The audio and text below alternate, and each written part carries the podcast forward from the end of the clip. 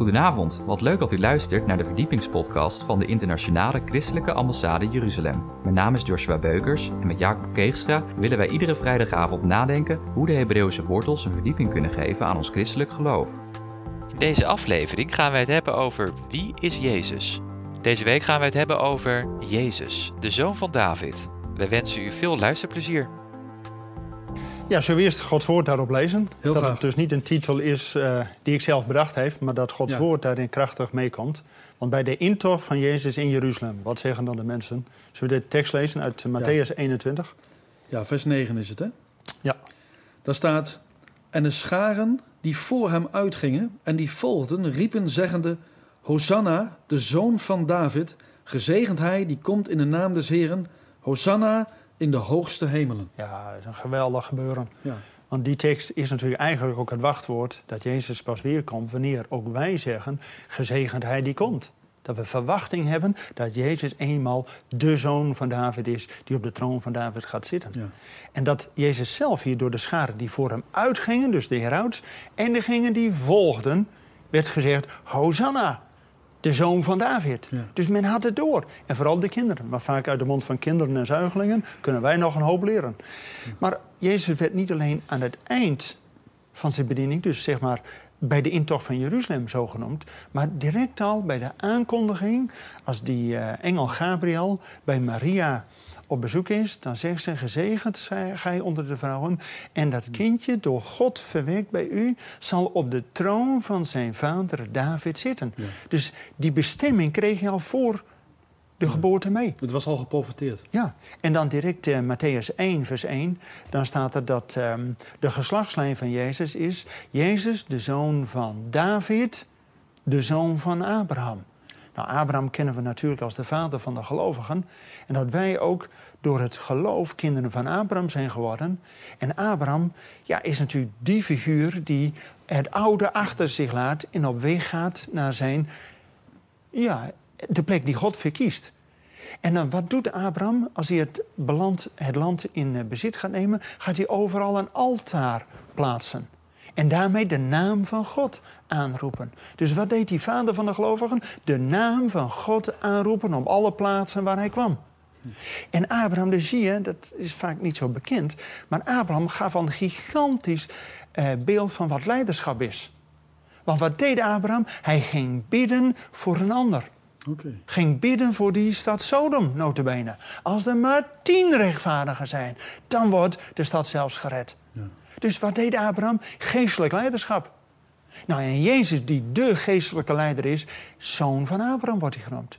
En hier in dit gedeelte, ja, eh, wat Jezus ook eh, doet, zijn komst was om de beloften aan Abraham gegeven aan ons door te, Door te geven. geven, ja. En de Ja. belofte van de Heilige Geest. Ja. Dus we worden rijkelijk gezegend. Wij zijn erfgenamen en mede-erfgenamen en zelfs de belofte van de Heilige Geest. Dus dat het niet alleen een woord is die op stenen tafel tot ons komt, maar in ons hart mag komen. Dus Jezus komt echt naderbij. Daartoe was hij vorige keer, hebben we gezien, dat hij niet alleen de Zoon van God is, maar de Zoon des mensen. En dat hij ons nabij is geworden en dat hij in ons wil wonen door zijn geest.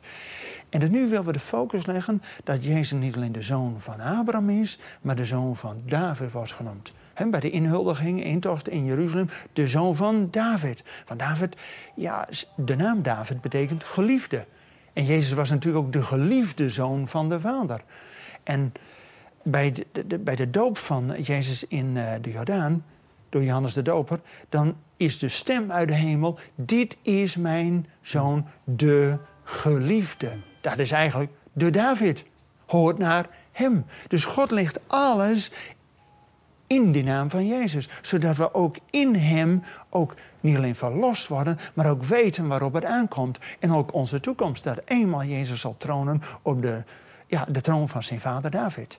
Maar voordat we daaraan toe zijn, willen we ook lezen wat dan die David allemaal deed.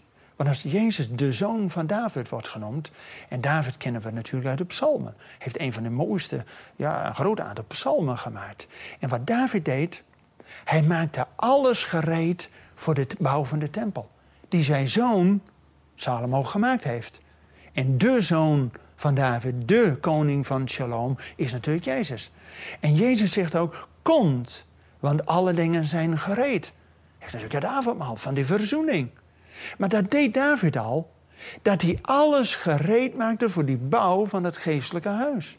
En wat deed David? De hele entourage vullen met de lofprijs.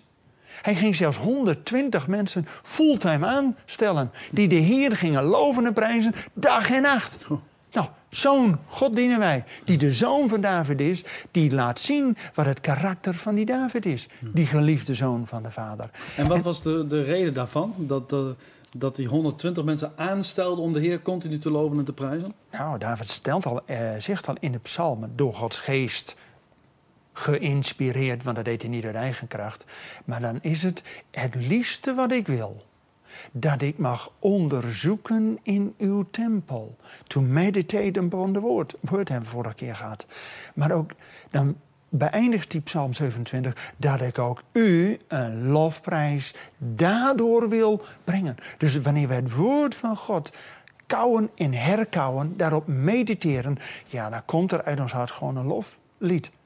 Als een dankzegging, een lofprijs en dat we een aanbidding. Maar dan moeten we God natuurlijk wel kennen. En God openbaart zich door zijn woord. Door Jezus, die de zoon van God, de zoon des mensen en nu ook de zoon van David is. En die David, die kennen we als degene die die lofpsalmen maakt en uiteindelijk de koning wordt, maar die begint op een ander vlak. En zullen we dat gedeelte lezen uit Handelingen 2? Daar zien we dat David profetisch is. Wat al uit het hele woord van God is, dat er een profeet zal opstaan uit uw broederen. En David, die koning, die profeteert van Jezus. Zullen we dat gedeelte eens lezen? In Handelingen 2, vers 34. Alleen vers 34? Ja, 35, 36. Oké. Want David is niet opgevaren naar de hemelen, maar hij zegt zelf: De Heere heeft gezegd op mijn Heere Zet u aan mijn rechterhand, dat ik uw vijanden gemaakt heb tot een voetbank voor uw voeten. Dus moet ook het ganse huis Israëls zeker weten dat God hem en tot Here en tot Christus gemaakt heeft, deze Jezus die gij gekruisigd hebt. Ja, amen. Met andere woorden, David ziet al in dat hij slechts mens is maar dat hij profeteert van die profeet die uit hun broederen zal opstaan. Dat hij Heere wordt. Dus, Jezus, dus David zegt al van Jezus dat hij Heer is. Dus meer is dan David. En dus moet ook door die kruisiging dat ook gans Israël, het volk van God, weet dat ook God Jezus tot Heer, Curios, en tot Messias, Christus, gemaakt heeft. Nou, een de beleidenis van de gelovigen was ook dat niet Caesar Curios is, Heer, maar dat Jezus is Heer. Tot eer van God de Vader, hebben we vorige keer gezien. En dat wordt ook hier geprofeteerd door David, die al in die psalmen zegt: het is een lofprijs dat David in Jezus zijn meerdere erkent. En dat God ook Jezus aan de troon van de Vader zet. Dus dan ook laat God zien dat Jezus op die hogere positie staat dan David. En dat Jezus ook Heer is gemaakt. Heer, Curios. En we beleiden ook dat Jezus Heer is van de gemeente. En, maar hier staat ook, en dat ook Jezus gemaakt is tot Messias. En dat was precies het wachtwoord wat die kinderen al zeiden profeteren toen Jezus intocht in Jeruzalem. Hosanna, de zoon van David, gezegend hij die komt. En dat wordt gezegd, geprofeteerd van de Messias. De gezalfde des Heren, want alleen de gezalfde des Heren zal op die troon van David zitten. Ja, dat is geweldig. Alleen betekent natuurlijk ook voor ons dat ook wij zicht hebben wie Jezus is. Dat hij de zoon van David is en dus ook een profeet is. Want als Nathanael bij Jezus komt, dan zegt hij, en ook Filippus die Nathanael bij Jezus brengt, de eerste discipelen, dan wordt gezegd, dit is waarlijk de profeet die in Israël zou komen. Dus Jezus wordt aangekondigd als de profeet. En als Jezus ook met die intocht in Jeruzalem, dan profiteert hij over die koningsstad waar hij ooit koning wordt. Maar dan profeteert hij nog, och Jeruzalem, dat gij toch heden verstaat wat tot uw verlossing nodig is. En wat is nodig tot uw verlossing? Dat die verzoening van Jezus aan het kruis ook voor hen is en ook voor ons. En daarom zegt ook hier, ook wij. want toen zij dit hoorden, werden ze diep in hun hart getroffen. En ze zeiden tot Petrus en andere apostelen, wat moeten wij doen? En Petrus antwoordde, bekeert u en een ieder laat zich dopen op die naam van Jezus tot vergeving van zonden. En gij zult de gave van de geest ontvangen. Maar dan wordt, als we het weten, wordt direct bij de eerste omstanders die dit horen, nou, daar kwam de boodschap zo krachtig in het. Wat moeten we doen? Want wat Jezus gedaan heeft, roept tot reactie. Wat moeten wij dan doen? Petrus, help ons! Nou, Petrus zegt, doe niks anders dan bekeert u en laat u dopen en ge zult de gave van de Heilige Geest ontvangen. Nou, meer is niet nodig. Ja, toch? Amen. Ik bedoel, dan hebben we de vorige keer gehad dat Jezus de zoon des mensen. Hoor, die leerde de gehoorzaamheid door hetgeen wat hij geleden heeft. Is door het kruis heen gegaan, door de dood heen. En daarom heeft God hem opgeweekt in die plek in de hemel gegeven. En dus kan ook David en als zoon van David profiteren dat de Heer, God, hem tot Heer heeft gemaakt, gesteld heeft. En dat hij Heer is en Messias, de gezalfde koning, die ook eenmaal zal tronen op die troon van David. Maar dat was natuurlijk al aan Maria geprofiteerd, voordat Jezus verwekt was, dat Jezus zal komen en tot in eeuwigheid op de troon van David zal regeren. Want hij komt spoedig. Ja, maar daar zullen we het over hebben. Maar eerst natuurlijk toch, het belang daarom is zo goed om het woord van God uit te leggen, te analyseren, zodat we niet alles op één hoop gooien, maar dat we weten, Jezus is de Zoon van God. Hij is de zoon des mensen. En Stefanus, die zag hem al dat hij verheerlijk was, de zoon des mensen. En ook wij, die weten wat het wil van God is. Dat we zicht hebben wie Jezus in voor ons leven is. Dat Hij degene is die bekleed is met macht, met kracht, met heerlijkheid, met blijdschap. En dat we door het geloof in Jezus ook zelf die kracht krijgen om het vol te houden. Ondanks de omstandigheden. Dus ook al zijn we mensen, maar niet gevallen in Adam, maar hersteld door de zoon des mensen, die nieuwe Adam, die ons vernieuwt. En dus mogen wij ook leven als kroon op de schepping van God. Prachtig. En dat gaat verder dat we ook weten hebben dat een, nu geprofiteerd is dat Jezus eenmaal de zoon van David is om ook te zitten op de troon van David. Nou, en die hele profetische boodschap, ja, dat gaat natuurlijk al verder. Want vanaf Abraham, Abraham wordt gezegend. Dat hebben we net gezien.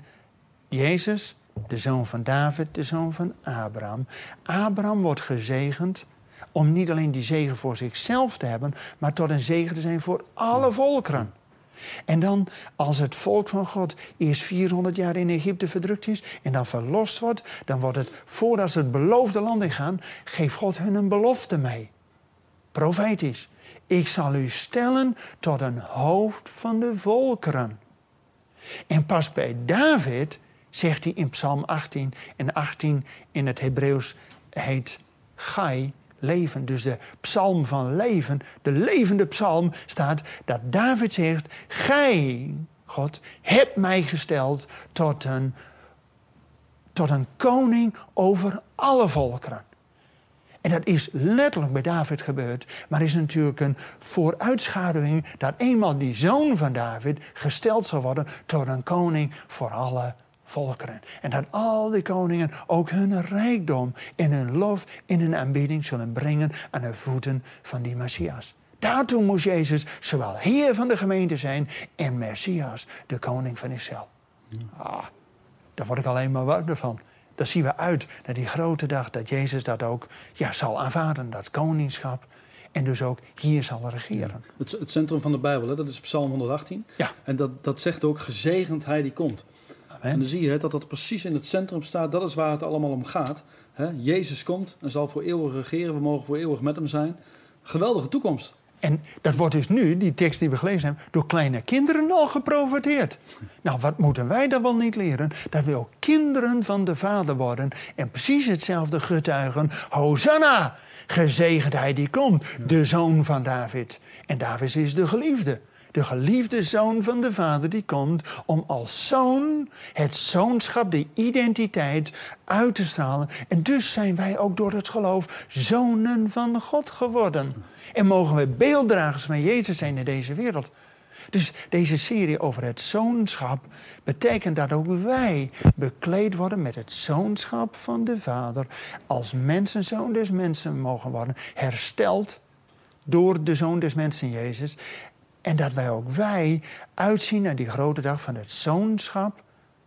En de zoon van David ook op die positie gaat zitten. En ook wij als christenen mogen vandaag ook die positie innemen. Want God heeft ons gezeld tot koningen en tot priesters. En wat deden priesters? Een altaar bouwen. Zoals Abraham een altaar bouwde en de naam van God ging aanbidden. Zo mogen wij, waar wij komen, of het nou op je werk is, of in je school of thuis, dat we de naam van God mogen aanbidden. Dus wij worden tot een hemelse positie, roeping, geroepen als geroepenen. En dat betekent dat we geloof hechten, vertrouwen hebben, omdat Jezus die weg van ons gebaand heeft. Hij is de zoon van David en hij is Jeruzalem, de koningsstad, genaderd. En hij komt weer om ook door het Kidrondaal de plek van die nieuwe tempel in te nemen. Ja, dan zal de vrede van God over de ganse aarde zijn. en de maaltijd des Heeren gevierd worden op de berg die God verkozen heeft. Amen. Bijzonder hoor. Zien we naar uit. Amen. Nou Jacob, eh, de tijd zit er alweer op. Ja. Uh, het was weer uh, boeiend. Ik ben een en al luisteroor, want wat jij altijd te vertellen hebt, dat gaat eigenlijk al je verstand te boven. Ja, het is God die het doet. Maar het is, een, het is geweldig dat de Heer je die gave heeft gegeven hè, om, om, ja. om, om, ja, om, om het woord zo te begrijpen en zo uit te leggen zoals jij dat kunt. Hè. Ik kan dat niet. Maar jij bent daar echt voor geroepen. En ik ben er dankbaar voor dat je dat ook met ons wilt delen. Het is genade van God hoor. En het is natuurlijk jaren studie wat je gedaan hebt. Hè? Uh, uh, hoe lang heb je school gedaan? Nou ja, ik heb tien jaar theologie gestudeerd. Maar daarna ben ik ook al tien jaar aan het uh, Gods woord aan het verkondigen. Dus ja, het is iets wat een deel van jezelf had. Maar het lukt alleen door de kennis die God ons wil geven. Door te mediteren op zijn woord. En te bidden dat Gods wil ook in jouw leven zichtbaar wordt. Ja, en gehoorzaam zijn aan het woord van God. Dan wil hij ons ook die volgende stap doen ervaren. Het is ook een keuze die we moeten willen. Iedere dag weer het oude achter je leggen, niet een eigen kracht, maar ons bekleden met het woord van God. Jezus Christus, die ons ook die wil van God wil openbaren. Nou ja, dan is het een kwestie gaan door van van kracht tot kracht, van overwinning tot overwinning. En dan zijn we net als Jezus, die een schare voor zich uit heeft en een schare die achter hem aanging. Dus de herauten en de volgelingen, die maar één ding doen, gezegendheid die komt. En ook waar wij mogen komen, mogen we de woorden van God proclameren. Gezegend die Hij, die komt niet wij, maar dat we in de naam van Jezus ook Zijn kracht in Zijn woord mogen getuigen.